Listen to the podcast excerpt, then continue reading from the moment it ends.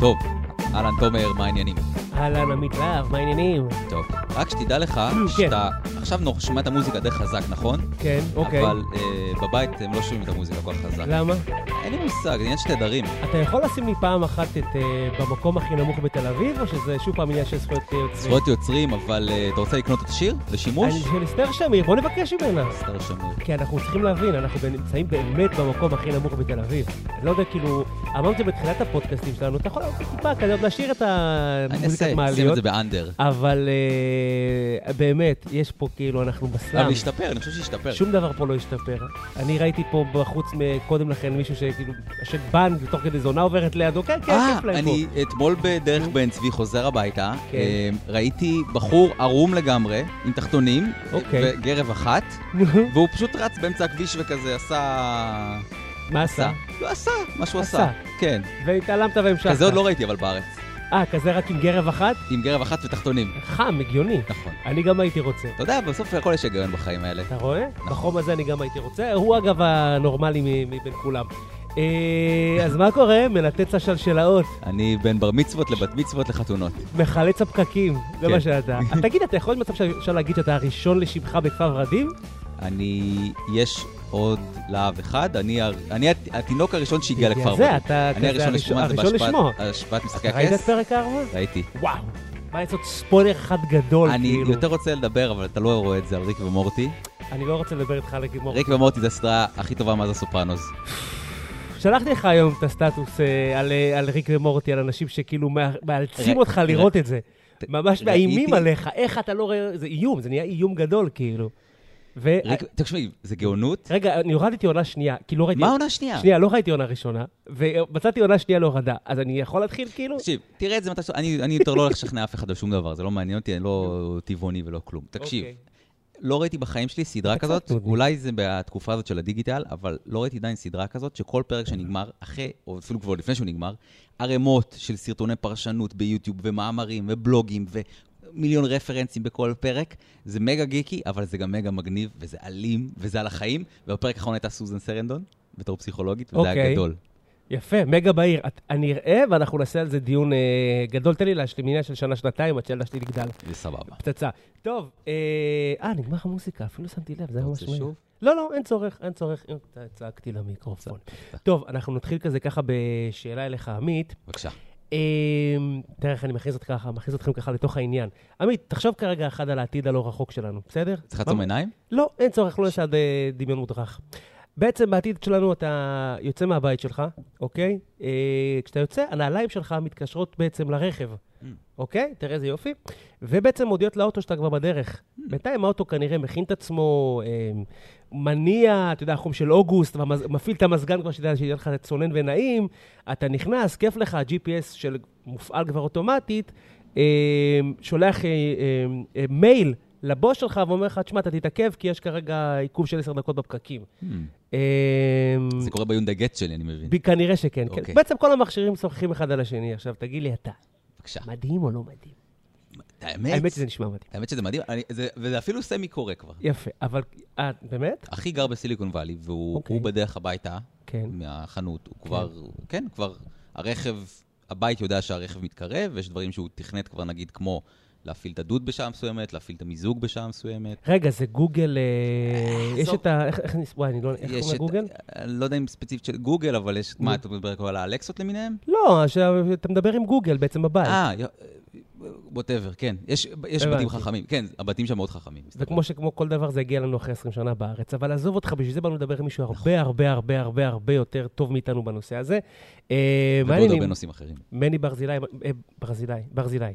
ברזילי. תומר לא טוב בשם. אמרתי לעמית לפני כן שאני לא אצליח. לא יודע למה, גם סתם. אני לא תמיד כן? מצליח, זה בסדר. אה, מני, מה שלומך? הכל על מי מנוחות? איך הייתה ההקדמה הזאת? בסדר, היא מדויקת, מק- מקושקשת לחלוטין. לא, הייתה הייתה אחלה, אחלה אה, אה, הקדמה. כן, אחלה הקדמה. אחת הטובות ששמעתי אי פעם בפודקאסטים. ראית איך הכנתי את עצמי? ואתה לא שומע פודקאסטים, לא אז בגלל זה. בדיוק. אבל אני מקשיב.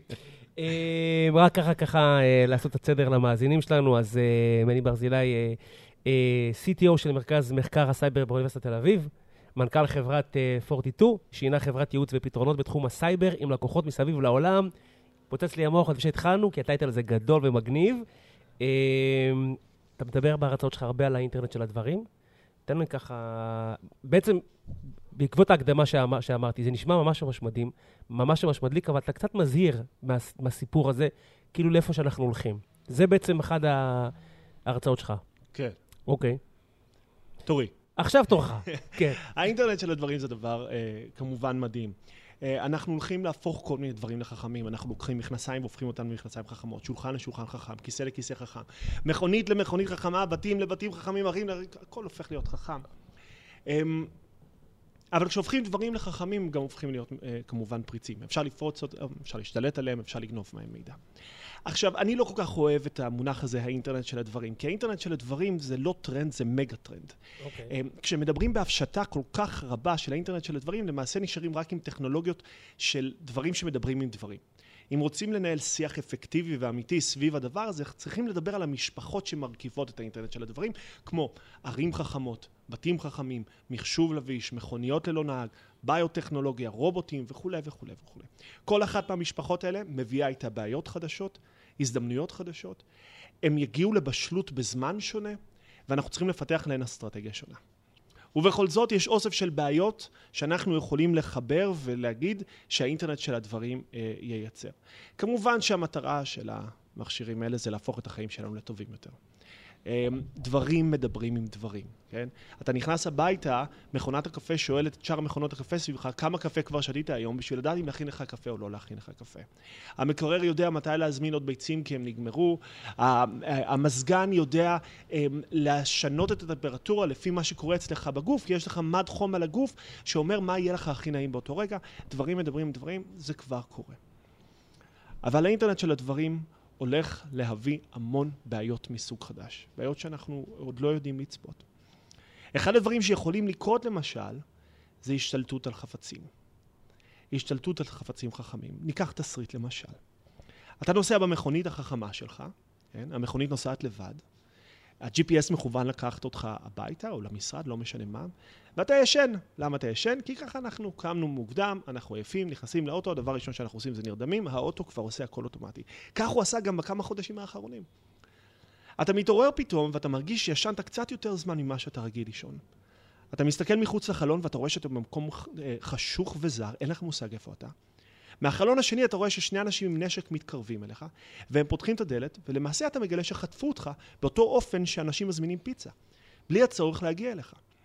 הדבר הזה יכול בהחלט לקרות, השתלטות על מכונית חכמה, שינוי, הרי כל מה שנדרש מהתוקף זה רק לשנות את הגדרות היעד ב-GPS, זה יחסית פשוט.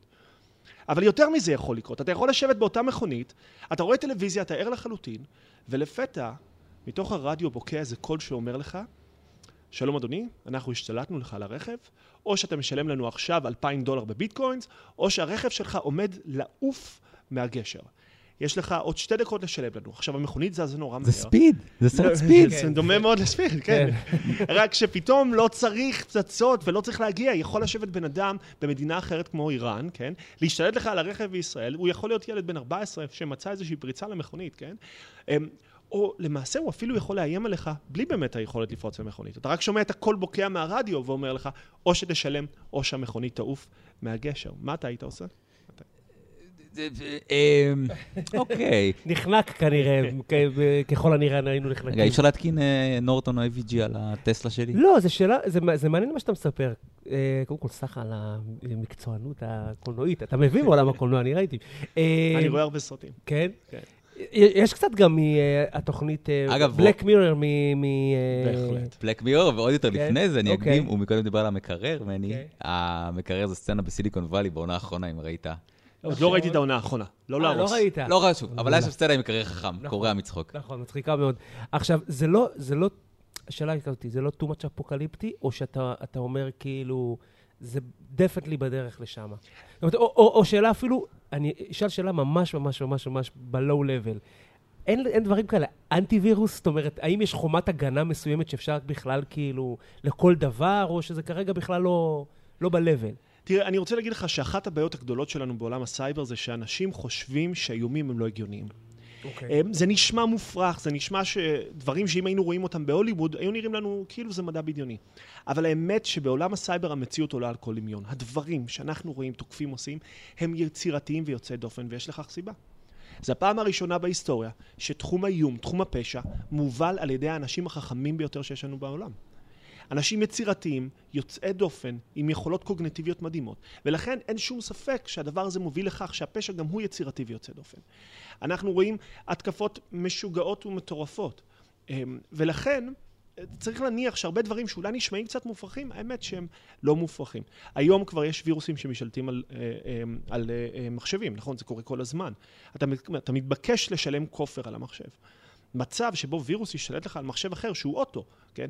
היום מכונית יש בה מחשב, מחר זה מחשב שגם נוסע.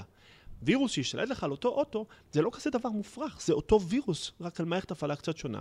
ואותו מנגנון שהוכיח את עצמו כמנגנון יעיל. אגב, לעולם הזה של רנסומר, של כופרה, כן? אותם וירוסים שמבקשים דמי כופר בשביל לשחרר לך את הקבצים היום ולשחרר לך את המכונית או את התנור מחר, הם, יש מודל עסקי שהוכח כיעיל בצורה יוצאת דופן. שהוא?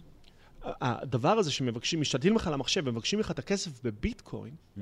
הוא מדהים, אין לו פתרון.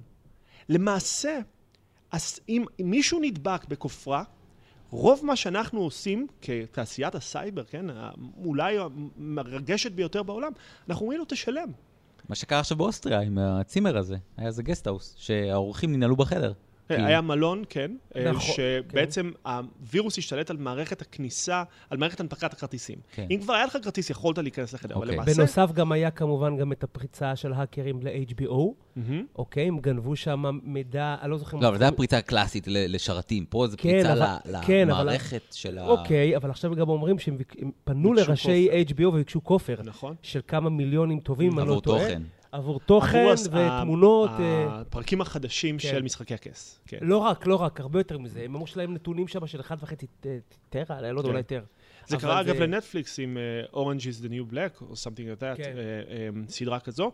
נטפליקס לא שילמו, והאקרים פרסמו את העונה הראשונה.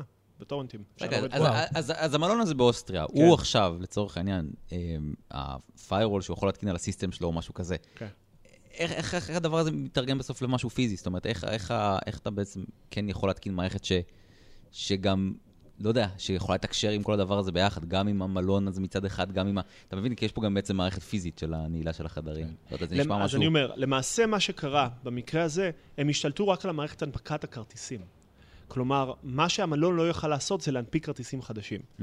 זה... אה, פעל כנגד המלון בשתי, בשתי מקומות. אחד, אם בא אורח חדש, כן, עם כל המזוודות, עייף מהטיסה, רצה להיכנס לחדר, המלון לא יכל להכניס אותו לחדר. או הבעיה השנייה, שהיא יותר חמורה במידה מסוימת, זה אם השארת את כל הדברים שלך בחדר, יצאת לסיבוב בחוץ והכרטיס היה ליד הטלפון, הכרטיס לא עובד יותר, הדברים שלך בחדר, ואתה תקוע מחוץ לחדר, ואם עוד שעה יש לך טיסה, אתה בבעיה מאוד גדולה. אגב, באופן די משעשע, אה, לפי הפרסום, מה שהמלון החליט לעשות בשביל להתמודד עם הדבר הזה, זה אוקיי. לשלם. לשלם, לא, אבל הם שילמו וקיבלו את זה, אבל איך הם מתמודדים לעתיד? לעתיד? כן. משלמים בצ'קים, עברו, חזרו, ל, חזרו כן, למפתחות. יפה מאוד. אוקיי. נקודה אחת לעמית. אה, הם חזרו למנעולים רגילים עם מפתח, כן. וואו. אה, אין יותר את ה... אין יותר את הכרטיסים.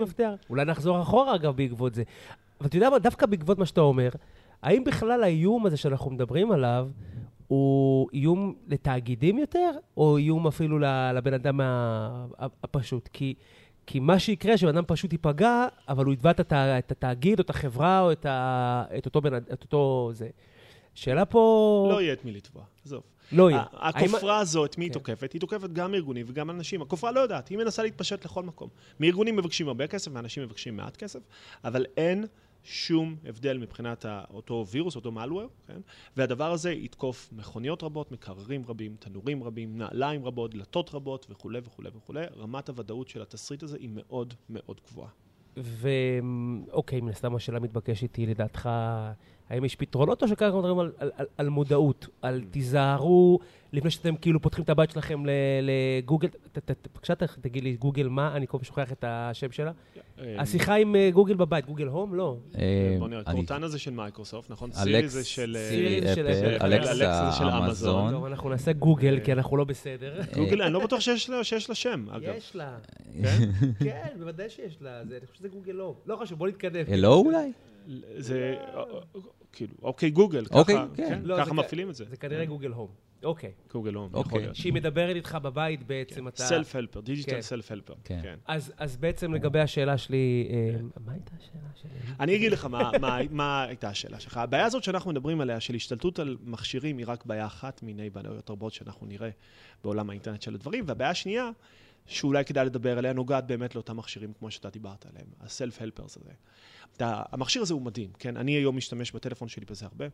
אתה רוצה שהטלפון יעיר אותך עוד 20 דקות, אתה פשוט אומר לו, תעיר אותי עוד 20 דקות. הם חכמים, כשיש כבר אנשים בארץ שמיפו את, אה, למשל, אמזון אקו, לכל הבית שלהם, זה מדהים. הם מכבים את המזגן ומדליקים את המזגן ונועלים את הדלת ופותחים את החלון אה, ומדליקים את הר- את הרדיו ומדליקים את הטלוויזיה ועושים הכל, הכל, הכל בצורה יוצאת דופן. זה באמת שיפור די גדול באופן שבו אנחנו חיים את החיים שלנו, וזה הופך אותנו ליותר ויותר עצלנים, שזה כמובן עתיד אה, נהדר. אה, אבל המכשירים האלה מייצרים בעיה, שוב בעיה, שכמעט לא ניתן לפתור. בעולם האבטחה הפיזית, כמו שאנחנו מכירים אותו, הוא היה עולם מאוד פשוט עד עכשיו. היה קל להפריד בין אזורים שהם אזורים בטוחים לאזורים שהם לא בטוחים, כן? אם היה לך חדר והיית אומר זה חדר מאובטח, היית יכול להפריד מהרחוב שהוא לא מאובטח באמצעות קיר, דלת, מנעול, מערכת אזעקה, מצלמות, שומרים, כלבים, כן. ב- רימונים, אה, אה, כל דבר שרצית. כל מתקן של רפאל או בסיס צבאי שאתה עובר לידו בארץ. כן, בדיוק. עכשיו, אם היו מחשבים בתוך החדר הזה, הם היו מוגנים, כן? כי לא יכולת להגיע אליהם. יכולת לעשות את זה מכיוון הסייבר. רשת כן, פנימית. לצורך העניין. כן. אבל, אבל פיזית לא יכולת להגיע אליהם, בעולם הפיזי פתרנו את הבעיה יחסית בקלות. אבל אז מגיעים כל המכשירים האלה שהם אה, voice operated, כן? שאתה יכול להפעיל אותם באמצעות קול. או, או סנסורים אחרים, כן? באמצעות תנועה או באמצעות כל דבר, אבל בואו נדבר רגע על מכשירים שאפשר להפעיל אותם באמצעות קול. המכשירים האלה שוברים את מודל ההגנה הפיזי הקלאסי כמו שאנחנו מכירים אותו. ניקח חדר. החדר הוא חדר ריבועי, יש בו קירות וההגנות הכי טובות בעולם. שמנו באמצע שלו אמזון אקו. ה perimeter, הגבולות של אמזון אקו לא נקבעים לפי הקירות, נכון? אני יכול לעמוד עכשיו מחוץ לחדר, לצעוק, ואמזון אקו ישמע אותי. ואם אני עומד מחוץ לחדר וצועק לאמזון אקו, תשלח לי את כל האימיילים, הוא יכול לשלוח לי את כל האימיילים. ואם אני אומר לאמזון אקו, תזמין מאמזון משהו, הוא יזמין מאמזון משהו. עכשיו, כל הסיפור הזה כבר קרה כמה פעמים בעבר, ולמעשה הוא קרה לי לפני מספר חודשים. אה, אני הלכתי לראיון בטלוויזיה, היה איזשהו מקרה שבו המשטרה ביקשה אה, להוציא את הנתונים, לחקור את אמזון אה, אקו, בגלל שהם חשבו שהוא יכול להיות עד במרכאות, כן, אני עושה מרכאות, אנשים כן. לא רואים את זה, אבל אני עושה מרכאות, הוא יכול להיות עד במרכאות אה, במקרה רצח. חשבו שאמזון אקו הקליט מה שהבעל Mm. אמר בזמן שהוא רצח את אשתו.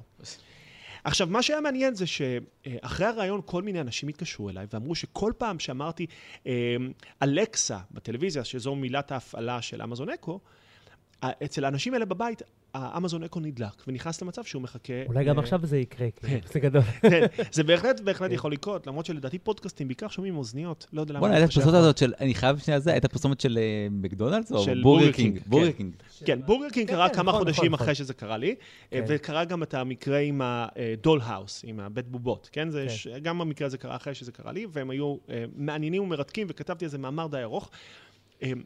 ומעניין, זה ריתק אותי שאני יכול לשבת בבית ולהפעיל מכשירים אה. אלקטרוניים אצל אחרים. מיד חשבתי מה הדבר הנוראי ביותר שאני יכול לעשות פעם הבאה שאני בטלוויזיה, בשביל להתעלל באותם בעלי אה, אמזון אקו שהם אצלי בבית, שהם, אה, שצופים בי בזמן שאני בטלוויזיה, היו לי כמה רעיונות. הרעיון הראשון היה לבקש מאמזון אקו לנגן את השיר הכי heavy metal שיכולתי למצוא. אמ, מצאתי, עשיתי מחקר, מצאתי בהימוס, something, להקה שלא הכרתי, אה, אבל מאוד פחדתי שזה יכול לייצר התקף לב לאיזה אה, איש או אישה. מבוגר- מבוגרים, כן, שקיבלו כזה. מהנכד, כן. ולא ידעו מה זה עושה, הוא רק יושב שם ופתאום זה מנגן בקולי קולות. הרעיון השני שלי היה להזמין מאמזון אה, שמלת כלה. כי חשבתי שזה יכול להיות ממש ממש מצחיק, אם בן אדם יוצא עם איזושהי בחורה שבוע, פתאום הוא מקבל שמלת כלה הביתה, אבל, אבל גם לא הייתי שם בשביל לראות את התגובות, וגם שוב פחדתי מהתקף לב שזה כן. אה, יכול לגרום. היו לי עוד רעיונות, למשל, אה, לסבך אנשים במשטרה. לבקש מאמזון אה, אלקסה, אמזון אקו, לעשות כל מיני חיפושים מוזרים בגוגל. למשל, אלקסה, מה עושים כשהשכן שלך קנה מערכת תופים חדשה?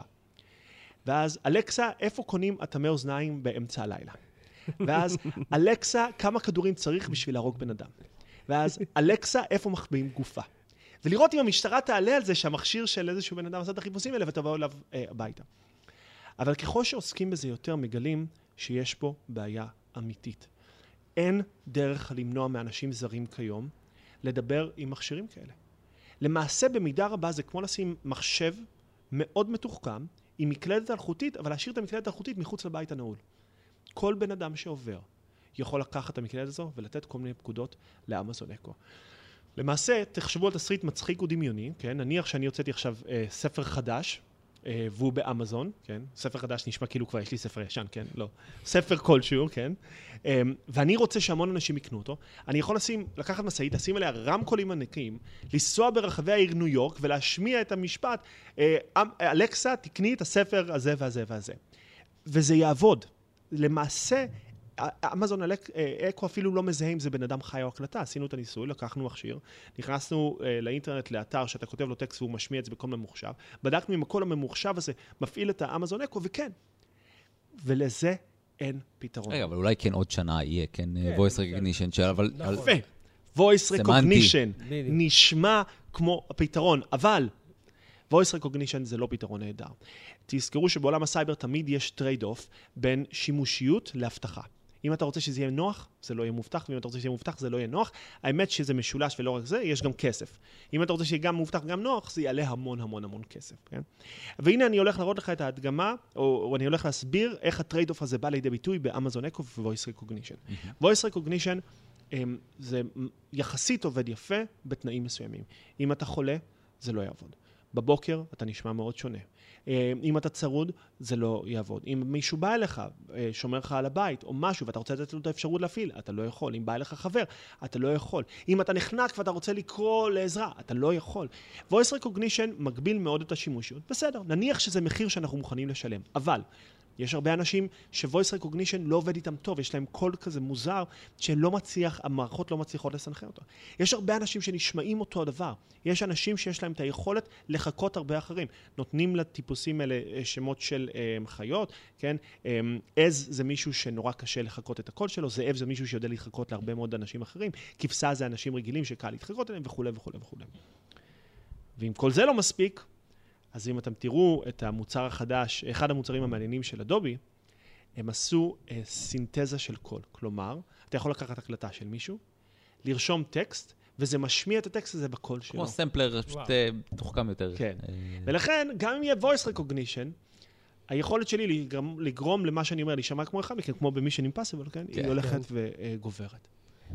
אה, אז מה בעצם, אוקיי, מה תאגידים עכשיו גדולים שמכינים את עצמם, אלה שבעצם אולי מייצרים את זה, אלה שב... ש... מה חברה כמו טסלה בעצם עכשיו בדיוק. עושה באמת בשביל למנוע את ה... למנוע את הדבר הזה. כן. כי היא יודעת שהפגיעה היא היא בעצם אנושה. אמ, קודם כל, להרבה חברות שמייצרות אה, מכשירים שהם מכשירים חכמים יש בעיה. המכשירים האלה אמורים להיות בדרך כלל זולים, אה, עם צריכת חשמל, עם צריכת מתח מאוד נמוכה, עם אה, CPU אה, מאוד קטן, עם דיסק מאוד קטן, והדברים האלה לא מדברים טוב עם security. security דורש הרבה מאמץ, הרבה דיסק, הרבה CPU, ולכן אנחנו כבר יודעים היום, ואנחנו רואים את זה אגב שוב ושוב ושוב ושוב ושוב, שהמכשירים האלה שהולכים לצאת לשוק הולכים להיות לא בטוחים. יש חברות ענק שהן לא יכולות להרשות לעצמם לא להיות בטוחים, כמו חברות כמו טסלה, כן? הן משקיעות המון ב security, אבל בעולם ה security יש אסימטריה מובנית. אגב, שהיא מאוד דומה לאסימטריה שקיימת בעולם הטרור. אבל בעולם הסקיוריטי היא משמעותית גבוהה יותר. כשאתה תוקף, אתה צריך להצליח פעם אחת. כשאתה מגן, אתה צריך להצליח כל הזמן. כשאתה תוקף, אתה יכול נקודה, כשאתה מגן, אתה צריך על הכל. לתקוף עולה מעט כסף, להגן עולה המון המון כסף. יש הרבה מאוד תוקפים, יש מגן אחד. בתקיפה אין חוקים, אתה יכול לעשות מה שאתה רוצה. בהגנה יש הרבה דברים שאסור לעשות. ומהרבה מאוד סיבות היום, אנחנו חיים בעולם שבו הכל פריץ. צריך להכיר בזה. המשחק הוא כבר לא משחק של מניעה. אנחנו צריכים לנסות למנוע כמה שיותר התקפות. אבל אנחנו מבינים שיש התקפות שלא נצליח למנוע, ולכן המשחק הוא של זיהוי מהיר ותגובה מהירה. וזה בעיה במכשירים שיושבים אצל אנשים בבית. אתה חושב שזה אה, זה הולך להיות אה, אפילו מלחמה בין, בין מדינות? או שאתה אומר לעצמך, hold it, חכה, לפני המדינות, זה אפילו יהיה איזה מין, כאילו, פרט... דאעש סטייל, פרטני כזה. אנשים אה, מתוחכמים די, שבא להם אה, ליהנות מהדבר הזה, קבוצות, ארגונים, אה, אתה יודע, לאן אנחנו הולכים, כאילו, אם אנחנו הולכים עם הבשורות הקשות בעצם? אמ, אני מקווה שנוכל לסיים את הפודקאסט באיזשהו טון אה, חיובי, אבל אני מודה שאני עוד לא משוכנע. אני אנסה תוך כדי האירוע לשפר את מצב הרוח. אבל ללא שום ספק, וזה נושא, אגב, מרתק כשלעצמו, ללא שום ספק, מדינות אה, יהפכו להיות שחקניות משמעותיות בתקיפת אה, IoT. כמו שהיום מדינות הן שחקניות משמעותיות בכלל בעולם אה, הסייבר. צריך לזכור שעל אותו אינטרנט, שאנחנו משתמשים בו בשביל לשלם חשבונות, להיכנס לבנק, כן, ולראות את היתרה או את המינוס, אה, לעשות, להזמין סרטים, על אותו אינטרנט מתקיימת כרגע מלחמת סייבר ענפה. יכול להיות שהמונח מלחמה הוא לא בדיוק מתאר את מה שקורה, אבל מה שבטוח קורה זה שעשרות ואולי כנראה מאות אלפי לוחמי סייבר, שוב אני עושה גרשיים אוקיי. כן. כמרכאות שאף אחד אה, לא רואה, לוחמי סייבר, כשאני מדבר על זה אני מתכוון להאקרים שממומנים על ידי מדינות, האקרים שהם שליחי מדינות. מאות אלפי כנראה כאלה עסוקים בלחימה בלתי פוסקת. עכשיו, זה אנשים מבריקים, יוצאי דופן, מהטובים ביותר שאותן מדינות יכלו למצוא, עסוקים בתקיפה אחת של השנייה. והתקיפה היא לא רק תקיפה ביטחונית, כן? זה מניפולציה לפעמים של דעת קהל, אמ, שעלולה להשפיע אה, מי יהיה הנשיא של אותה מדינה, כן? זה מניפולציה של שוקי ההון. אמ, לפעמים תקיפות מהסוג הזה יכולות לגלות אמ, סודות פוליטיים שיכול, שישנו את כל מערכת היחסים במדינות בעולם. לפעמים יכולים לתקוף בן אדם ספציפי ולהשפיע על האופן שבו הוא חושב או מתנהג, ואוסף של דברים שמדינות עושות. ולכן, ללא שום ספק, כשאנחנו מדברים על האינטרנט של הדברים, מדינות יהיו שחקניות משמעותיות בתקיפה. אתה יודע, בדיוק אה, לפני שהגעת, ראיתי אה, כתבה, סליחה עמית שכועס עליי שאני מזיז את המיקרופון, כתבה בדה-מרקר שהתפרסמה, אה, רוג'ר מקנמי, משקיע הון סיכון של, אחד המשקיעים של פייסבוק נראה לי הראשונים. אז הוא יצא בעצם באיזושהי טענה חדשה עכשיו שאומרת, אפרופו מה שאתה אמרת, שבעצם כל ענקיות האינטרנט האלה משחקות uh, באופן אגרסיבי עם המוח של הגולשים. זה בעצם הציטוט שלו. זאת אומרת, הוא טוען שבעצם uh, הטכניקות שהן משתמשות זה טכניקות מתעשיית ההימורים. אתה יודע, יש להם מטרה פה להרוויח המון המון המון כסף, להשאיר אותך בתוך הדבר הזה, וזה לוקח אותנו לעובדה שהם יודעים עלינו יותר משאנחנו, יודע, הם יודעים עלינו יותר משאנחנו יודעים על עצמנו. נכון. Uh, ואז בעצם הם יכולים להשפיע עלינו, לשכנע אותנו לעשות דברים. בעצם, אתה יודע, משרת את האינטרס אה, האישי שלהם ו- וכן הלאה. אנחנו הופכים להיות שחקן פיון בתוך העולם המשוגע הזה. אה, מה, מה החיבור בעצם בעיניך? בוא, אה, בוא נעשה דיטור, בוא נלך okay. לאיזשהו אוקיי. מקום מעניין רגע, בסדר? אני יכול לספר לכם בדיחה? מותר לי? בהצחק אותנו, מה זאת אומרת? אנחנו פה... אני חייב לציין שתומר תמיד מכריז שהוא לא אוהב בדיחות. כן. אבל אין בן אדם שלא אוהב בדיחות. סיפרו לי בדיחה מצחיקה, אני לא זוכר מי זה היה. אוקיי, אם אתה יכול לספר בדיחה זה אפילו יהיה יותר טוב. לא, אין לי אותה עכשיו בראש, אני לא... יצרת ציפייה ולא... לא, אבל אתה מספר את הבדיחה עכשיו, טוב, כי לא, כי הבדיחה הזאת תביך אותי קצת, אבל אנחנו נספר אותה, אנחנו נספר אותה. שלושה צפרדעים. כן. צפרדע אחד, אחת? שלושה צפרדעים, כן. לא, צפרדע אחת. נכון? שלוש צפרדעים. שלוש צפרדעים. צפרדע אחת? כן. אמ, כן, נניח, שלוש צפרדעים, כן? אבשלום, אני מתנצל אם אני טועה. אמ, יושבות אמ, בביצה, אחת אומרת, נעשה אחד, בסדר? כי זה יעבוד כן. יותר טוב. אחד כן. אומר, רבאפ. השני אומר, רבאפ, רבאפ. השלישי אומר, רבאפ, רבאפ, רבאפ. אז הצפרדע הראשון מוציא אקדח ויורה בצפרדע השלישי, פוף, מפוצץ לו את כל המוח. הצפרדע השני עוזר, מה, מה עשית? מה עשית? אז הצפרדע הראשון אומר, הוא ידע יותר מדי. עכשיו, זה, כן. זה לא מדהים כן. שבדיחה מצחיקה הרבה אנשים, שאותו פיסת מידע שנקלט אצלנו ברוע, במוח, מייצר את אותה תגובה אצל הרבה מאוד אנשים שונים. זה לא מדהים שכשאתה רואה סרט, כן, סרט למשל מפחיד, כל האנשים בעולם פוחדים באותו רגע, נבהלים באותו מקום, או צוחקים באותה נקודה. עכשיו, כשהתסריטאי כותב את הסרט, מה יש לו? יש לו את עצמו. הוא יושב, הוא כותב טקסט, ורק לשבת בבית ולכתוב את הטקסט, הוא כבר יכול להניח איך רוב בני אדם יתנהגו באמצעות פיסת מידע שהוא יעביר להם. אני רוצה רגע לעצור אותך באמצע, כי אני יודע שאתה בשוונג, אבל זה כן. דווקא חשוב מה שאמרת, כן. כי אני רוצה להתווכח איתך אפילו. כן. כי עם הטענה הזאת אני קצת חולק, ואני אגיד לך אוקיי. למה. אתה יוצא מנקודת הנחה נכונה ממה שאתה אומר, אבל אתה צריך גם לדעת שאתה, שאנחנו מדברים פה על עולם אה, so called מערבי, תרבותי, שמדבר אותה שפה. כאשר כשאנחנו רואים את קולנוע, אנחנו יודעים את כל הקונבנציות המוכרות שלנו מהרגע שראינו סרט בפעם הראשונה בחיים. אה, מה ש... אתה יודע, אני לא אקח אותך לעולם שלישי שלא מכיר בכלל על מה אתה מדבר, אבל יש כל מיני תתי עולמות שלא מכירים את הקונבנציות, ולא... אתה יודע, זה כאילו נשמע לנו טריוויאלי שהם יבהלו בסרט אימה, אבל אם לא מכירים את הסאונד אפקט ואת, ה- את, ה- את השוט הזה והזה, לא בטוח שהם יבינו בכלל מה קורה מולם. אז זו כביכול, אתה יודע, אנחנו כרגע מדברים על, על, על, על level מ- מסוים. אתה צודק לחלוטין, זה לא אה, שולל את הנקודה שלי. הנקודה שלי היא כזו, שעל אף שכולנו מרגישים שאנחנו מאוד מאוד שונים וייחודיים, בעלי תפיסות עולם ורצונות עצמאיים, ואנחנו עושים רק מה שנדמה לנו שאנחנו היחידים שמחליטים, אנחנו מגלים שפתאום ההתנהגות שלנו מאוד מאוד מאוד דומה אה, להרבה אנשים אחרים. אנחנו מגלים שסרט יכול להיות מאוד מצליח. נכון שלא בכל מקום בעולם, אבל בהרבה מקומות בעולם. מאות מיליוני אנשים, מיליארדי אנשים, צופים בסרטון אחד.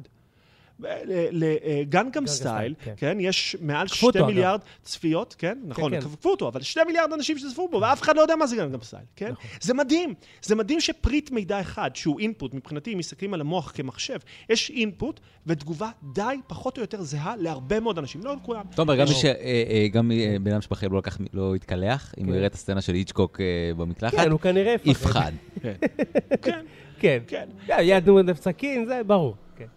עכשיו, אמ, עכשיו לאותו תסריטאי, כן, שמצליח להשפיע על מאות מיליוני אנשים, כן, ואולי אפילו יותר מזה, אני נזהר כדי שלא תתעצבן עליי, כן, מאות מיליוני אנשים, מה יש לו כבעצם מידע שהוא יכול להשתמש בו? יש לו את עצמו. הוא יושב בבית לבד רוב הזמן, ויודע כבר מה, מה יהיה התגובה, מה תהיה התגובה של המון אנשים. לפעמים הוא יכול לשאול כמה אנשים, לפעמים הוא יכול להגיע לכמה עשרות אנשים, אבל זהו, זה המדגם שלו. אמ, עכשיו בואו נחשוב על חברות כמו פייסבוק. לפייסבוק אין רק את עצמם, יש להם פי מיליארד יותר דאטה מאשר לאותו תסריטאי. יש להם יכולת לעשות ניסויים מהירים בזמן מאוד קצר, ולבדוק איך דברים שונים ישפיעו על התנהגויות. פייסבוק, ו- ואני לא אומר את זה בצורה שלילית, כן, אין לי משהו נגד אה, פייסבוק, אה, זה האופן שבו העולם כרגע עובד. חברות כאלה, יש להם יכולת להשפיע בצורה עצומה, עצומה, על קבלת ההחלטות שלנו. אה, נדמה לי שמה שאני אומר, עכשיו זה, אומר לכם עכשיו זה מתוך הספר של דניאל קנמן, אה, זוכה פלס, פרס נובל לכלכלה, כן? נדמה לי שזה מהספר שלו, חשוב מהר לאט. אה, ספר מרתק, אגב, אני ממליץ לכולם לקרוא. הוא עושה שם ניסוי. אני מקווה שאני לא מתבלבל וזה באמת... אה, מה... אנחנו איתך. הוא עושה שם ניסוי. הוא שולח אנשים לשכונה כלשהי בארצות הברית, וסטודנטים, הוא שולח סטודנטים, כן, עם שאלון, ומבקש מה, אה, מהסטודנטים לשאול אנשים האם הם יסכימו בחצ... לשים בחצר שלהם שלט של סעו לאט. כן, הוא אומר, אה, תאונות דרכים זה דבר מאוד מסוכן, יש הרבה ילדים בשכונה הזו, האם תסכימו לשים שלט של אה, סעו לאט? מעט מאוד אנשים מסכימים, אני לא רוצה להגיד את האחוזים כי אני לא זוכר, אבל מעט מאוד אנשים אה, מסכימים. ואז הוא אה, עושה אה, ניסוי. והוא שולח קבוצה של סטודנטים, ולפני שהם שואלים את השאלה, הם שואלים אוסף של שאלות מקדימות. האם אתה בן אדם אחראי? האם אתה בן אדם אה, ש, שחשוב לו אה, אה, בטיחות בדרכים וכולי וכולי? ובסוף הם שואלים את השאלה. האחוזים גדלו בפי חמש. בואו נגיד אם קודם היה 10 אחוז, אז עכשיו זה 50, 60, 70 אחוזים, כן? מהאנשים אומרים עכשיו כן. אבל אז הוא עושה עוד ניסוי יותר מעניין. הוא שולח שוב את הסטודנטים לשכונה שלישית, כן? הם, עם אוסף השאלות האלה. אבל הפעם הסטודנטים לא שואלים בסוף, האם תסכימו לשים שלט כנגד תאונות דרכים. שבוע אחר כך הוא שולח סטודנטים אחרים. שבוע אחר כך, אנשים כבר לא זוכרים ששבוע לפני שאלו אותם אוסף של שאלות, כן? ואז הוא שואל אותם, האם תסכימו לשים שלט? האחוזים גדלו מ-10 ל-40, כן? לא כמו קודם, שזה היה בסמוך, אבל עדיין באופן דרסטי. האפקט הזה, שהוא אפקט של אה, הטבעה, או של יצירת קיבעון מחשבתי כלשהו, הוא אפקט פסיכולוגי מוכר. בעצם לפעמים אתה לא מבין שמשהו שעשו לך לפני שבוע משפיע באופן דרסטי על קבלת ההחלטות. הזרע נשתל. כן, בדיוק. עכשיו אם תלך ותשאל כל אחד מהאנשים האלה, כל אחד מהם יגיד לך שהוא הגיע להחלטה לבד, ששום דבר לא השפיע עליו, שהוא יודע בדיוק מה הוא עושה והוא מבין מה התהליכים שעברו לו בתוך המוח שהוא קיבל החלטה. מה שהוא לא יודע, שההחלטה שלו לגמרי לא מושפעת, לא, אה, מושפעת מדברים שקרו. אתה קובע סיסמה למחשב. הסיסמה הזו, נדמה לך שהיא מבריקה. אתה רוקד מאושר מרוב שזה, שהסיסמה שאתה בחרת היא מגניבה. שבוע אחר כך אתה מגלה שזה אחת מעשרת הסיסמאות הכי נפוצות בעולם. זה מדהים. אף אחד לא סיפר לך על הסיסמה שלו. לא ראית את הסיסמה הזו בחיים. ובכל זאת, אתה כמו המון בני אדם אחרים, הגעת לאותה סיסמה. מה שאני מנסה לומר זה שאנחנו הרבה הרבה יותר דומים אחד לשני ממה שנדמה לנו, והיכולת לעשות לנו מניפולציה היא הרבה יותר גבוהה ממה שנדמה לנו. ולכן, אם אנחנו חוזרים לנקודה ממנה התחלנו, והנה okay. כן. זה קורה, הם, ללא שום ספק, הם, לגופים שרוצים לעשות מניפולציה לאופן שבו אנשים חושבים, יש יכולת אדירה לעשות זאת ויוצאת דופן. אתה יודע, פייסבוק, עמית אין פייסבוק אגב, זה יכול להיות שהוא אגב מחוץ הספקטרום, עמית כרגע ניצל, עמית אישה מההוד. הקול שלך נשמע מוזר, הקול שלך נשמע מוזר, תסדר את הקול שלך, הקול שלך. אוקיי, סליחה. אתה יודע, הליום, רגע. אה, הליום ירד לי? כן, ירד לי, לפעמים זה עולה לי, כן. פייסבוק, אני לא יודע כמה אנשים שמו לב לזה, אבל uh, גלשת בפייסבוק עכשיו, עלית, עלית, אה, סליחה, גוללת, גוללת, גוללת, גוללת, יצאת לרגע לוואטסאפ, חזרת לפייסבוק, הוא נטען כביכול מחדש. בעצם לא יצאת, כי וואטסאפ זה שייך לפייסבוק, לא? נכון, בדיוק. אתה לא חוזר לאותו מקום בכלל, אתה חוזר למקום אחר לגמרי. Uh, ואתה, נגיד, חיפשת משהו שרצית, אתה צריך לגלול עכשיו שנה קדימה. את כל הזמן הוא כביכול מעדכן אותך כדי שתישאר בו כל הזמן, במקום תחשוב שאתה מפספס כאן איזה משהו. אה, שזה, אני לא יודע כמה אנשים שמו לב לזה, אבל זה נהיה כאילו... שמה, אריאן? אתה, אתה יוצאת מפייסבוק, חזרת אליו, הוא שונה לגמרי. אתה תקבל אה, דברים אה, פחות או יותר מסוימים, אתה תחזור אותם, דברים שראית, אבל בגלילה נוספת למטה. אולי, אולי למטה. זה בגלל שהוא ראה שלא כל... לא השקעת בזה זמן. לא, לא ממש ש... לא, זה מרצון כביכול לא לתת לך לצאת ממנו ולחדש לך כל הזמן, כי משהו שפייסבוק הבין בעבר, זה שאתה יודע, ראית, חזרת, לא התח... אתה כל הזמן מחפש את החדשנות, הרי אתה, יש את אלה שמחפשים את ערוץ הספורט, למשל מעולם הספורט או החדשות, אתה כל הזמן רוצה שהכותרת ת, ת, תחדש לך, אתה לא תחזור עוד פעם, ראית, סבבה. אז נראה לי שזה על אותו, על אותו עיקרון. כל פעם שבן אדם נכנס לפייסבוק, זה ניסוי שפייסבוק עושה. הרי כל פעם שהוא נכנס, היא אוספת מידע על מה בדיוק הדבר שיגרום לו להישאר הכי הרבה.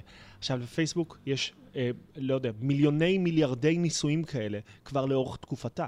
כלומר, כל פעם, אם אתה נכנס חמש פעמים, שבע פעמים ביום, פייסבוק בודקת מה גורם לך להישאר ומה לא גורם לך להישאר, ויכולה ללמוד מהדבר הזה. ולכן יש לה יכולת לשפר את המנגנון בצורה כל כך טובה, שתגרום לאנשים להישאר, להישאר ולהישאר ולהישאר. אני, אה, אנחנו אה, למעלה מחצי שעה לתוך הפרק, אבל אני חייב, ועדיין לא שאלנו אותך את זה, ואותי מעניין לדעת, ונשמע, אני, אני מקשיב לפשן הזה שיש לך. תומר, לא יודע להשתמש בזה. אני לא יודע מה קורה פה. השם של הבייפד. אה, תוסיף, תוסיף אה, ארבע דקות פה על מה שאתה רואה. אה, לא מה שאני מזהה אצלך, את התשוקה הזאת, כן מעניין אותי לדעת, וזה גם, אני מזהה את זה הרבה ישראלים, את התשוקה הזאת גם לכל העניין של אבטחת מידע ובכלל סייבר, אבל... אתה מגיע מאבטחת מידע. כן, זהו, מעניין אותי, קודם כל, איפה זה תופס אותך העולם הזה, ומה, מה... איפה זה התחיל, או... קודם כל אני נרגש כי אני פה. כן, אתם, תומר ועמית, כן, זה לא מעמד שזוכים לו אה, כל יום. יפה אה, אמרת. רביעי בשעה, לא יודע, או מתי שאתם... יום חמישי לפעמים. יום חמישי. אמ, דבר שני, אמ, אני אה, חנון מחשבים מאז שאני ילד קטן, כן? אמ, אני זוכר שקיבלתי את המחשב הראשון שלי, הוא היה עם EGA, כשכל החברים בשכונה היה CGA. של שלושה צבעים לעומת 16 צבעים, הייתי המלך. תקשיבו, מה זה לא, הייתי המלך? אבל היה VGA שהיה יותר מתוחכם. עוד לא הגענו, עוד לא היה VGA, היה EGA. אני רק יכול להגיד שלי בבית היה אפל 2C של אה, אחי. אה, כן. זה היה, אוקיי, לא, היינו משחקים באפל, כן, אבל אז קיבלתי את התואם IBM, תואם IBM עם EGA. תקשיבו, מעמדי מעולם ולעולם לא היה גבוה ולא יהיה גבוה כמו שהיה באותה תקופה בשכונה שלי עם ה-EGA. המשכתי עם מחשבים, ואחד הדברים שקרו זה שבגלל שהייתי ילד מחשבים וגיק מחשבים, ואני מניח שגם אתם מכירים את התחושה, כל פעם שהייתי הולך לאנשהו, היו עם ההורים או משהו, היו אומרים, או, בוא תסדר לנו רק את זה. הוא מבין במחשב. בוא תתקן את זה, בוא תעשה את זה. שנאתי, שנאתי את זה. מה זה שנאתי את זה? תיעבתי את זה. שנאתי גם את העובדה שלמחשבים יש כל כך הרבה בעיות. בגיל 16, 15-16, אמ, יחד עם חבר מבריק מהכיתה, כן, שאחר כך הלך לתלפיות, בצבא בחור באמת יוצא דופן, אמ, החלטנו לפתוח עסק. פתחנו עסק, מס הכנסה, מע"מ, כן, עסק לכל דבר, לתיקון ומכירה של מחשבים. קודם כל, מאותה נקודה, ממש אהבתי את העובדה שלמחשבים יש כל כך הרבה בעיות. אה, אתה מאלה, אגב, שהמכסה שלהם תמיד פתוח, נראה לי. תמיד כאילו כן. משחקים עם זה, עושים משהו. המארז. זה, אגב, זה גם, זה הדרך כן. הייתה, אז היה, היום זה גם, גם קורה, אבל אז היה דבר שנקרא ניעור חומרה. כן, זה, זה האופן שבו היית, שבו היית פועל. המחשב לא היה עובד, היית מנער את החומרה בפנים והוא היה אה, מסתדר, כן? אה, אז פתחתי את העסק הזה, תיקנו, היינו יחסית מצליחים, מכרנו מחשבים לעירייה, לבית ספר, להרבה לקוחות באזור המרכז, כן, עשינו יחסית לילדים הרבה מאוד כסף. סגרתי את העסק, שהתגייסתי אה, לצבא, הגעתי לחיל המודיעין, אחרי שהייתי תקופה בחיל אוויר, הגעתי לחיל המודיעין, אה, ושם בעצם נכנסתי לעולם הסייבר פעם ראשונה. שזה באיזה שנים... אה, אה, זה עכשיו אתה חושף הכל. סתם. ברור, אבל זה כדי? להבין כאילו... אני גבר, מה אכפת לי? אה, התגייסתי ב-98, אוקיי, זה כבר פוסט גיל שווייד, גיל שווייד. firewall, צ'ק פוינט? כבר פוסט צ'ק פוינט, נכון? מבחינת הקמה, אני לא יודע, לא? כן. אני לא יודע, אבל צה"ל היה- היה, היה, מה, יחידת סייבר כבר אז? האמת היא שב-99 עדיין, מה שהיה ביחידות הכי טכנולוגיות בצה"ל, זה דבר שנקרא קצין במ"ם, שזה ביטחון מערכות מחשב, וגם התפקיד הזה היה נעט, נוסף על תפקידו. כלומר, הבן אדם היה לו תפקיד ראשי, ובכמה שעות בשבוע, במקרה הטוב, הוא היה עושה אבטחת מידע. זה מדהים, כן? לא מה, זה לפני הרבה זמן. חיל קשר? זה? לא, זה מודיעין, כן? אוקיי. אני מדבר על יחידה, אה, מודיעין. היחידה הטכנולוגית של חיל המודיעין. אה, אוקיי. המקום הכי טוב בצה"ל. בשנת 99, אה, לקראת שנת 2000, אה, מי שהיה אז ראש המחשוב של היחידה, בן אדם יוצא דופן, אה, בשם עופר, מה שאחד החבר'ה אצלנו רשם עופר, cannot refuse, אה, בחור בשם עופר, מדהים, הגיע למסקנה שצריך להקים צוות אבטחת מידע. היינו ארבעה חבר'ה שהקמנו את הצוות. אמ, אחרי כמה זמן יצאתי לקורס קצינים, חזרתי, הפכתי להיות מפקד הצוות, ובעצם שם נכנסתי לכל התחום אה, אבטחת המידע. הייתי שבע שנים בצבא, אחר כך עזבתי את הצבא, עשר שנים בבנק הפועלים, הייתי בתפקיד האחרון מנהל המחלקה לביקורת מערכות מידע, שזה מעין גוף ייעוץ טכנולוגי אסטרטגי לכל קבוצת הבנק. והיום אני עושה את מה שאני עושה, שדיברתם על זה אתה כבר כל החיים שלך. במגננות טכנולוגיות בעצם, אתה, אתה כן. מגן, אתה בה- בהגנה כל הזמן. כן, למרות שהגנה... למרות שלך יכולות התקפיות כנראה חבויות, שאתה לא מגלה. וההתקפה זה דברים שהולכים היום יד ביד, כן, צריך כן. להכיר. הדרך הטובה ביותר לוודא שמשהו מוגן זה באמצעות לנסות לתקוף אותו. כן. אמ, רגע, ו... אז כן, כן הזכרתי את צ'ק פוינט וזה. מה, נכון, אוקיי, ישראל, מדינה מאוימת, בלה בלה בלה בלה. מה כל כך אה, הופך אותנו, או מה מושך אותנו, הישראלים, לכל כך חזקים בתחום הזה? מקום חמישי בעולם אה, הסייבר, נכון? אני מקום ראשון, מה זה חמישי? מקום ראשון? תלוי מקום איך מודדים, זהו? אני יודע- וואלה. לפי המדד שלי אנחנו מקום ראשון. אה, בסדר, לא אה. המקום אבל ראשון, חמישי לפי מה? מקום ראשון בהגנה או. בהתקפה? גם וגם. אוקיי, אז מה הופך אותנו באמת לכל כך זה? או, ואני גם אה, אה, אפתח את השאלה הזאת, האם בהכרח, בגלל שמגיעים להרבה חבר'ה מבריקים לצבא, ולומדים לומדים אותו כל כך הרבה על אבטחה, האם בסוף כשהם יוצאים מזה הם באמת רוצים להמשיך עם העולם של אבטחה, או שפשוט, כאילו, זאת אומרת, הא- האם זה הקטליזטור להתעניין יותר באבטחה, או שפשוט, לא יודע, כן. זה משהו שהוא יותר מסקרן אותם. תראה, מגיעים לפה בכל רגע נתון משלחות מכל העולם בשביל לנסות להבין מה ישראל עושה. באמת, זה, וזה מדהים לראות ממדינות של מיליארדי אנשים, כן? של אה, הודו, ש-1.2 מיליארד אנשים מגיעים לישראל, מסין מגיעים לישראל, כולם רוצים ללמוד איך אנחנו עושים מה שאנחנו עושים.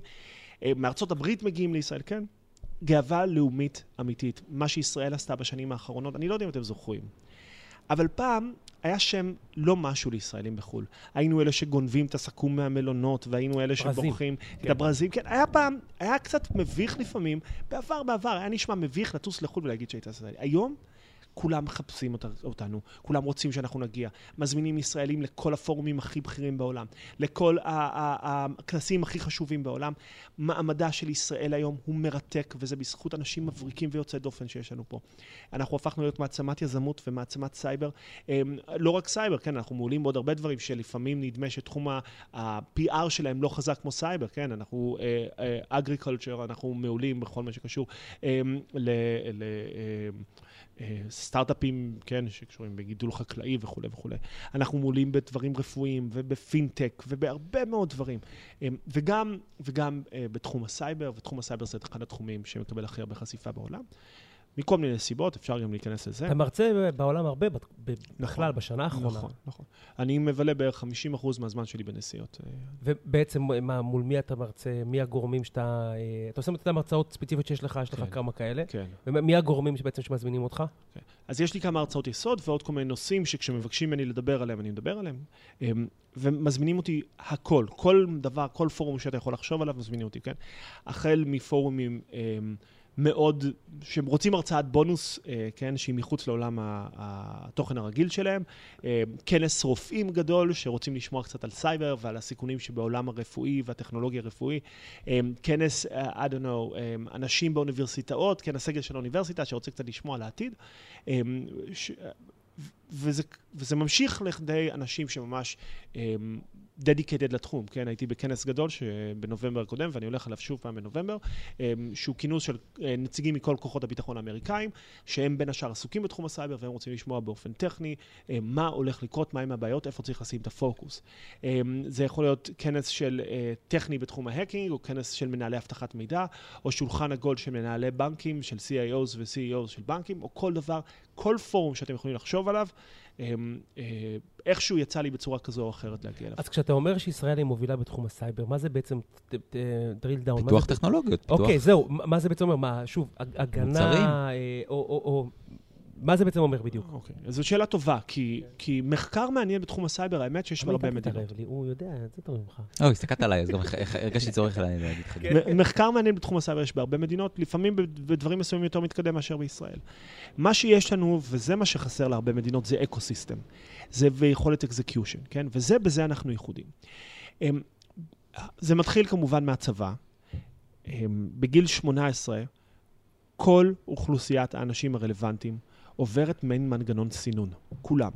הצבא בוחר מכל האנשים את המתאימים ביותר, לעניות דעתו, כן? אה, להיכנס לתחום הסייבר ומעביר אותם הכשרה מאוד אינטנסיבית. עכשיו, מה קורה אחרי שנתיים, שלוש, ארבע, שהחבר'ה האלה יוצאים מהצבא? הם עדיין ילדים, הם גרים עם ההורים, אין להם משכנתה, אין להם מחויבות, אין להם ילדים, הם יכולים לעשות מה שהם רוצים, כן? ומאידך הם כבר מאוד בוגרים, הם מאוד עצמאיים, הם יודעים לקבל החלטות שההשפעה שלהם על החיים מאוד גדולה. הם יודעים מה זה לשאת נשק ולהגן על המדינה, כן, כי גם אם אתה היית בסוף ג'ובניק איפשהו, היה לך אה, אה, טירונות וגם עשית שמירות. הסיטואציה הזו היא מאוד ייחודית, שאתה נמצא מצד אחד במצב שהוא חסר מחויבות, מצד שני במצב מאוד בוגר, ובגלל זה הרבה מאוד אנשים בסיטואציה הזו מאוד בשלים להקמת סטארט-אפים ולעשות דברים יוצאי דופן, או להשתלב בסטארט-אפים ולעשות דברים אה, יוצאי דופן. ישראל טובה בעולם הסייבר אה, באופן ספציפי, בין השאר בגלל שאנחנו חייבים להיות. יש לנו אויבים מאוד מתוחכמים וחכמים. מדינת ישראל היא מדינה קטנה. אנחנו, אה, העליונות שלנו בתחום הביטחוני תמיד חייבת להישמר, בגלל שבשונה מהרבה מאוד מדינות, אנחנו נלחמים על קיומנו. אנחנו לא נלחמים על, אה, אה, על כסף או על, או על אדמה או על כלום, אנחנו נלחמים על קיומנו. אז הצבא באמת, כמו שאתה אומר, הוא, הוא, הוא משקיע את, המשאבים האלה בס, בסייבר לצורך העניין? הצבא מספיק איכותי וחזק, אתה יודע, זה, זה לא מהמקומות שאנחנו מודעים אליהם אה, חדשות wise, אתה יודע, מדברים איתנו על צוללות ו- ו- ורקטות. אז מבחינת סייבר אנחנו, אה, אה, אה, תשאל את זה אחרת, גורמי הצבא והביטחון אה, מקדימים את זמנם או, או, או מתקדמים בכלל? סייבר זה מנוע צמיחה של מרבית הצבאות בעולם.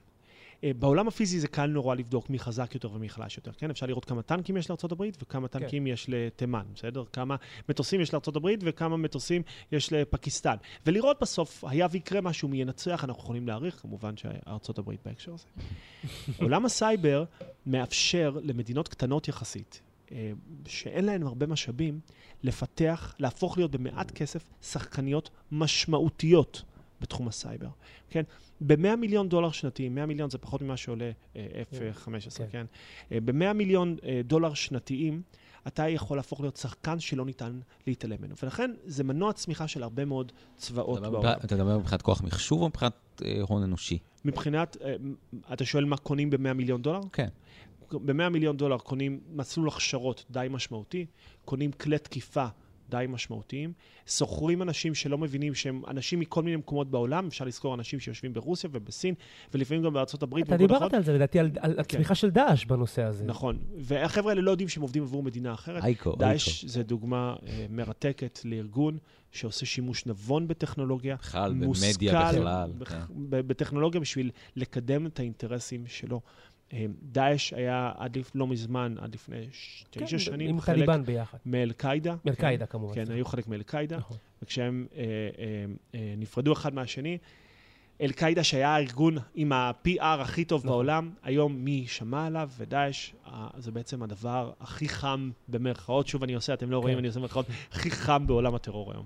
ועדיין מתקשים להתמודד איתו בגלל העובדה הזאת שהוא כל כך אה, חכם אה, וטכנולוגי? ב- לא באופן ישיר, כן? אה, בגלל שהוא חכם וטכנולוגי, הוא מצליח לייצר הרבה מאוד תמיכה והרבה מאוד גיוס של אנשים מסביב לעולם. אנשים משתפים פעולה גם באמצעות שליחת מידע לדאעש, ולא רק באמצעות לוחמה, כן, דאעש מקבל הרבה מאוד מידע מהסביבה. אה, אבל האתגר הביטחוני אה, לסכל את פעילות דאעש הוא אתגר פיזי ביטחוני ולא אתגר אה, בתחום הסייבר. והאם בכלל, אגב, בהקשר הזה, מדינה כמו דרום, צפון קוריאה, היא לא הכי מובטחת בעולם כי היא בעצם לא מחוברת? זה דוגמה, זה, זה, אתה יודע, זו שאלה מבריקה, כן. באינטרנט של אה, צפון קוריאה יש 28 אתרים או משהו כזה. כן. זאת אומרת, גם אם. אתה לוקח אותו למטה, כן, אם אתה מוריד את האינטרנט הזה, מה יקרה? וגם אין להם לא. אפשרות לחייג לשום מקום גם. נכון, טלפונית. ל-90 ומשהו אחוז מהאנשים בצפון קוריאה אין אינטרנט בכלל, אסור להם. רק לפקידי ממשל ולאנשי תקשורת, רק באישור מיוחד מותר לקבל זה אינטרנט. מעניין, כי דווקא. העובדה שהם מפגרים הופך אותם נכון. לשחקנים אחרים ב- ב- ב- אבל בעולם. יש להם. משפט, יש להם משפט. לא, זה מעניין, זה מעניין לגמרי, כי אתה אומר, "ת- תחזור אחורה, אולי אתה מגן על עצמך באיזושהי סיבה מסוימת. נכון, אבל האתגר שלנו כאנשי סייבר זה לא להגיד מה מותר לעשות ומה אסור לעשות, זה להגיד איך עושים את כל מה שאנחנו רוצים לעשות. זאת אומרת, אנחנו לא רוצים לעצור את הקדמה, אנחנו רוצים לסלול את הדרך לקדמה. אז אחד הדברים שאתה אומר איך לעשות, זה ניהול זמן, נכון? אתה בעצם גם מדבר, אגב, הופה, הנה, נתתי לך לחייך. איזה טוויסט הבאת פה. יפה, הבאתי פה טוויסטון. כן.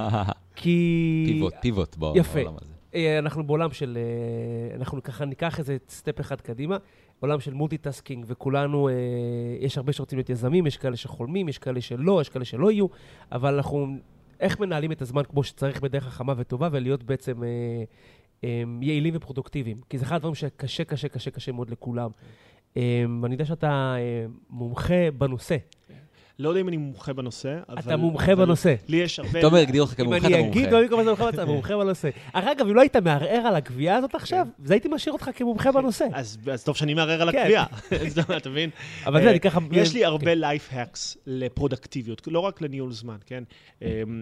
אחד הדברים שפרסמתי לאחרונה בפייסבוק זו טכניקה ששמעתי בהרצאה אה, מרתקת אה, של בחור בשם אסף קולסקי, אה, שיטה שנקראת פומודורו.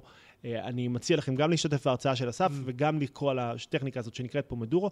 בקצרה, מה שהיא אומרת זה שאתה מחלק את העבודה שלך לסשנים של 25 דקות, אתה 25 דקות עובד על משהו, לא עושה שום דבר אחר, לא קורא אס.אם.אסים, לא אה, נראה לי, כלום. ונע חמש 25 דקות. ואז נע חמש דקות, אבל בחמש דקות אתה חייב לנוח. אתה קם מהכיסא, אתה מדבר בטלפון, מסתכל ב-אס.אם.אס, רואה בפייסבוק, אבל זז, לא נשאר יש את הקובייה הזאת. נכון. הקובייה הזאת, הסיפור מאחורי הקובייה הזאת הוא סיפור אוקיי. מרתק. אה, מעניין אתכם לשמוע את הסיפור המרתק על הקובייה? אה, מה ש... אני אסביר לקהל בבית, אה, למאזינים בבית, כן, זה לא קהל, זה מאזינים. אה, אני אגיד, אני אגיד. כן. בעצם אתה אומר, רגע, איך אני סופר 25 דקות? נכון, אם יש לי שעון, וואטסאפ, זמזום, זמזום, זינזון. כן. אה, אז הקובייה הזאת בעצם באה לדמות את הזמן. תסביר בדיוק איך זה עובד. יש טייפ, אוקיי. הופה, אני יודע. לאורך זמן אני חיפשתי טיימר שיאפשר לי למדוד 25 דקות, ואז 5 דקות הפסקה, או 25 דקות ואז 10 דקות הפסקה. חיפשתי, חיפשתי, חיפשתי, חיפשתי. מצאתי כל מיני דברים מעניינים, אבל, הם, אה, אבל זה כזה שעונים של מטבח, אז הם עושים את הטיק טיק טיק טיק טיק כן. טיק שהם זזים, שאותי זה משגע, כמו שאתם לא מבינים כמה זה משגע. ואם זה בפלאפון, אז. אתה חייב להסתכל בפלאפון. ואם זה בפלאפון, אז אתה חייב להסתכל בפלאפון, והטלפון מצפצף, ואתה כל הזמן בטלפון לידך, נכון. נכון. אז יש, אמ, אז בהתחלה עבדתי עם אתר, אתר מעולה, אגב, ש... אה, אה, טומטו טיימר, משהו כזה, תחפשו את זה בגוגל אם זה מעניין אתכם, שעושה בדיוק את זה, זה מעולה. אבל רציתי משהו פיזי, כי גם לא רציתי להשאיר את המחשב פתוח. מצאתי אתר שיש בו טיימרים שהם בצורת קובייה. אמ, על כל אחת מהפאות של הקובייה יש זמן, למשל 60 דקות, 45 דקות, 5 דקות ו-2 דקות. וכשאתה שם את הקובייה, כשהפאה הזו למעלה, זה מתחיל באופן אוטומטי לספור. אתה רוצה שזה יפסיק, אתה הופך את הקובייה בחזרה. מעולה, מעולה, מעולה. אממה, לחבר'ה האלה אין שעון עם הזמנים שמתאימים לפומודורו. יש להם שעונים מעולים, דקה, שלוש דקות, חמש דקות, שבע דקות, יש להם 60 דקות, אה, 90 דקות, זה, אין להם פומודורו. מה עושים? קונים ארבע כאלה. לא. יפה, יצירתי. לא, כי אז יצפצף לך כל חמש דקות. אמרתי, בוא ניקח הימור. חיפשתי את, השם של המנכ"ל, מצאתי את האימייל שלו, שלחתי לו אימייל, אמרתי לו, תקשיב, המוצר שלך מעולה, אבל לדעתי אתה מפספס section של אנשים אה, שמשתמשים בפומדורו ככלי זה. הנה פומדורו, הנה הקישור, אה, הקישור, הקישור, אלה הזמנים שמעניין לעשות, ושלחתי. שלושה ימים אחר כך אני מקבל ממנו מייל, תקשיב, אנחנו מאוד אוהבים את הרעיון, תן לי לעבוד מול המעצבים, לראות מה עושים. וואו. שבוע אחר כך הוא מתקשר, הוא שולח לי עוד מייל, הוא אומר, תקשיב, פניתי לחבר'ה מפומדורו, ביקשתי אישור לעשות שימוש בשם, הם לא אישרו לי לעשות שימוש בשם, אז אנחנו רק הולכים לעשות שהקובייה אדומה, כי פומדורו זה על הרוטב עגבניות, כן. כן? ש-25 דקות זה בדיוק הזמן שאתה צריך בשביל להשאיר את הרוטב עגבניות, בלה בלה בלה. אמ, אנחנו הולכים לעשות קובייה אדומה, תן לי לעבוד עם ה... אה, זה. אה, חודשיים אחר כך הוא מבקש ממני את הכתובת שלי. שבועיים אחר כך קיבלתי את הקובייה הראשונה של פומדורו, של החברה הזו. וואו, אה, לא תסתכלו? קיוב טיימר, כן. אה, כי זה לא וידאו, כן, לא חשבתי שאני צריך... אה, כן. זה. לא, זה קובייה, זה פשוט קובייה עם... לא, עם העלית טיימר. תמונה שלה לפייסבוק לדעתי. נכון, נכון, כן, נכון, כן, תסתכלו. בפייסבוק שלי או נכון. בקיוב טיימר, תמצאו את האתר, זה... הוא שלח לך באופן הוא כאילו... שלח אישי? לי כמתנה. את הקובייה הראשונה שהם ייצרו. אה, בחור, קור- קוראים לו הירו, אה, המנכ"ל של החברה, הקובייה הזו מעולה. אתה משתמש בה באופן כאילו... אני משתמש בה באופן. כאילו. וזה באמת אה, עובד לך. זה עובד מעולה. אנחנו צריכים לעשות את זה. אולי נעשה ככה פודקאסט 25 דקות, ננוע 5 דקות ונחזור טוב, שוב. תשמע, אני חייב להגיד לך דבר אחד. כן. קודם כל, אה, מרתק כל הסיפורים הזה, ויש כל כך הרבה דברים שזה... לא דיברנו. אני- אני אתן name dropping פה, דברים שלא דיברנו. ואולי נצטרך מתישהו לעשות פרק השלמה. מה זה אולי? אה, אדוארד. סנודן לא דיברנו. לא נכון. דיברנו דארקנט. נכון. לא דיברנו, אה, עוד בכלל בניהול זמן, בכלל יש כל כך הרבה לדבר. יש אני עוד הרבה אני מה גם לדבר. נורא אוהב את התחום הזה. על AI לא דיברנו. על AI לא דיברנו. כן, זה עכשיו כן, הדיבור היום. חם מאוד... AI והשפעתו על cyber security זה נושא שלם שעליו. לא דיברנו. אה, אה, אה, אגב, ודיברנו על אה, ריקי ומורטי, לא דיברנו. ריק לא דיברנו על ומורטי. סיליקון וואלי, לא דיברנו Ready Player One, עם מי וואו, שמכיר. Ready Player One. אה, תומר לא מספיק גיק בשביל לא... זה, כן, בדיוק. אבל בחזרה לעתיד אוהב, אז אולי זה מתקשר. אתה חייב לקרוא את הספר לפני שיוצא הסרט. חייב. אוקיי. עשינו פה, אז קיצור, אה, למי שבאמת בטח מכיר את העולם הזה, בטח היינו קצת, אה, הדלקנו אצלו משהו, אבל באמת יש כל כך הרבה דברים, ובטח מני אפשר לצלול איתו. מה מה עוד אתה רוצה... לא, אני שואל, אתה- אתה אתה- אתה לא מרצה כרגע באופן, לא יודע, פ- פ- פרטני, מה שנקרא, או שכן. מה זה פרטני? מה זה פרטני? כאילו, סליחה, סליחה. בוא, אני- שיעור פרטי, אתה נותן? רגע, האם אתה מרצה לגופים מסוימים, או אם אתה מרצה עכשיו בפאנזי, או וואטאבר, כל מיני מקומות כאלה? אתה צודק, יש לי אומרת, מה מעט שנקרא, מאוד... קהל כן. כזה יגיד, אני יש רוצה לי לראות את ההרצאה מעט שלך, כן. מאוד אה, אה, הרצאות שהן פתוחות לקהל, כן? רוב ההרצאות שלי הן כאלה שמוזמנות על ידי לא חברות, בהרצאות, אוקיי. אה, והרצאות שיש בכנסים הן בדרך כלל הרצאות של עשר דקות, רבע שעה, על נושא מאוד מאוד ספציפי. אה, Having said that, אה, מדי פעם אני כן עושה הרצאות בפורומים פתוחים, למשל וויז, אה, אה, אה, איך קוראים לזה? ליל המדענים, כן? כן. שאמור, עתיד להיות בקרוב, ואני כמעט כל מר, שנה מרצה שם, אז אה, כנראה, אני מניח שגם השנה, אני עוד בוחן את האפשרות. בחו"ל לפעמים יש אה, דברים יותר אה, זה. בואו לחו"ל. שנמצא- מי שנמצא בחו"ל, אז בחו"ל אני נמצא מדי פעם, אני אפגוש אתכם בחו"ל. אמ, מגניב, וסתם ככה שאלה אחרונה כדי להבין באמת את הידע הזה, זה בעצם, זה ידע מבוסס מחקר, אתה בעצם חי כל היום את ה... כן. אמ, מה, אתה קורא כזה שלוש כן. ספרים ביום? קודם כל, אני... שלושה ספרים ביום. מת על. ספרים. אם הייתי קורא זה, אז הייתי... ויכולנו. לעשות רק פודקאסט ספרים. אני מת על אנחנו ספרים, ויש. כל כך הרבה ספרים מרתקים שמשנים חיים, ואני ממליץ לכולם לקרוא. אבל כן, אם אתה רוצה לדעת מה קורה בעולם, אתה חייב באופן קבוע להמשיך לקרוא כל הזמן. ומה, האודיובוק זה גם תופס? אודיובוק, אני שומע מלא. יש. ומה הטיפ הקטן האחרון שלך בעצם למי שרוצה, אתה יודע, להיות יזם? הרי היום אנשים חושבים שהם ייכנסו לפייסבוק ויהיה להם מלא מלא חברים, אז י- אתה מדבר על משהו. מובילי דעה כאלה למיניהם? כן, עמית, אתה לא אוהב את המילה הזאת. אני אומר, אתה יודע, בסוף היינו צריכים, אתה יודע, אתה צריך באמת ללכת, ל- ל- להיפגש, לעשות אה, את כל המיטינג הזה, זאת אומרת, זה חלק מה... וללמוד כמובן אה, המון. כן. אני שואל, זה זה חלק מבחינת... מה שנדרש בשביל להיות יזם זה הרבה כן. ביטחון עצמי. יש אוקיי. ידידה שלי, שחקנית, אה, אמרה לי פעם, שאתה לא יכול להיות שחקן אם אתה לא יודע לקבל לא באודישן. אתה לא יכול להיות יזם אם אנשים שאומרים לך זה לא יעבוד, עוצרים אותך. אם אתה רוצה להיות יזם, תאמין במה שאתה עושה ותמשיך בכל הכוח על אף כל מי שמנסה לעצור אותך בדרך. דו מור, יש אה, ולוגר אה, מאוד מפורסם, קייסי נייסטט. אוקיי. שהוא קיקה על עצמו ליד דו מור. שתמיד כאילו, זה כאילו זה כזה פסיכי. לגמרי, אגב. טוב, אני חושב שההבטחה שהתפוצץ לי הראש במוח, כאילו, מהפודקאסט הזה, זה בדיוק מה לפחות שהמוח שלך בראש זה כבר טוב. לא, לא, בקטע כמובן, כמובן, כמובן טוב וחיובי, כי אני יצאתי פה עם, אה, עם, עם קודם כל עם טעם של עוד, ויש לנו עוד הרבה הרבה על מה לדבר, אני מקווה שאתה אה, ת, ת, ת, תרצה ותבוא. זהו, כי- לא. כל פודקאסט אנחנו עושים עם טעם של עוד, לפעמים כן. אנחנו עושים עם טעם של די. כן, היו כאלה. פודקאסט שאנחנו עושים עם טעם של די. לא ביקשתם, הייתי עושה דם של די, אין לי בעיה. לא, לא, היה לנו כיף, כיף, כיף גדול. אה, עמית, איך היה לך? סבבה, אני, אני כן. רוצה, לא אמרתי את זה בהתחלה, תגיד. היה לנו איזה שני פרקים שהיה לנו קצת בעיות סאונד, אז אני מקווה שהפרק הוא הזה, אי אפשר. אי אפשר בזמן אמת לדעת את זה. זה בעיות סאונד מאוד מאוד קטנות, עניני טעם בסאונד אמרת י- מקודם, ישימו בוא לב. נסיים בטעם טוב, הוא כן, אותנו אז אני רוצה ככה. לקוות מאוד שהפרק הזה עבר חלק, ואם לא, אז אה, אני מקווה שאתם אוהבים אותנו. אמ, סתם. מני, תודה רבה שבאת, היה היה מופלא. מקווה שנהנית כמונו והחכמת, ו... החכמת? הוא בטוח החכים. תודה. זה נכון, הוא לכם. החכיא, אני- אחכים אותי. יאללה, מה, נגמרה מגניב. המוזיקה? נגמר המוזיקה, נגמר התוכנית. זה הזמן להגיד שלום. להתראות לכולם. ביי חבר'ה. ביי ביי.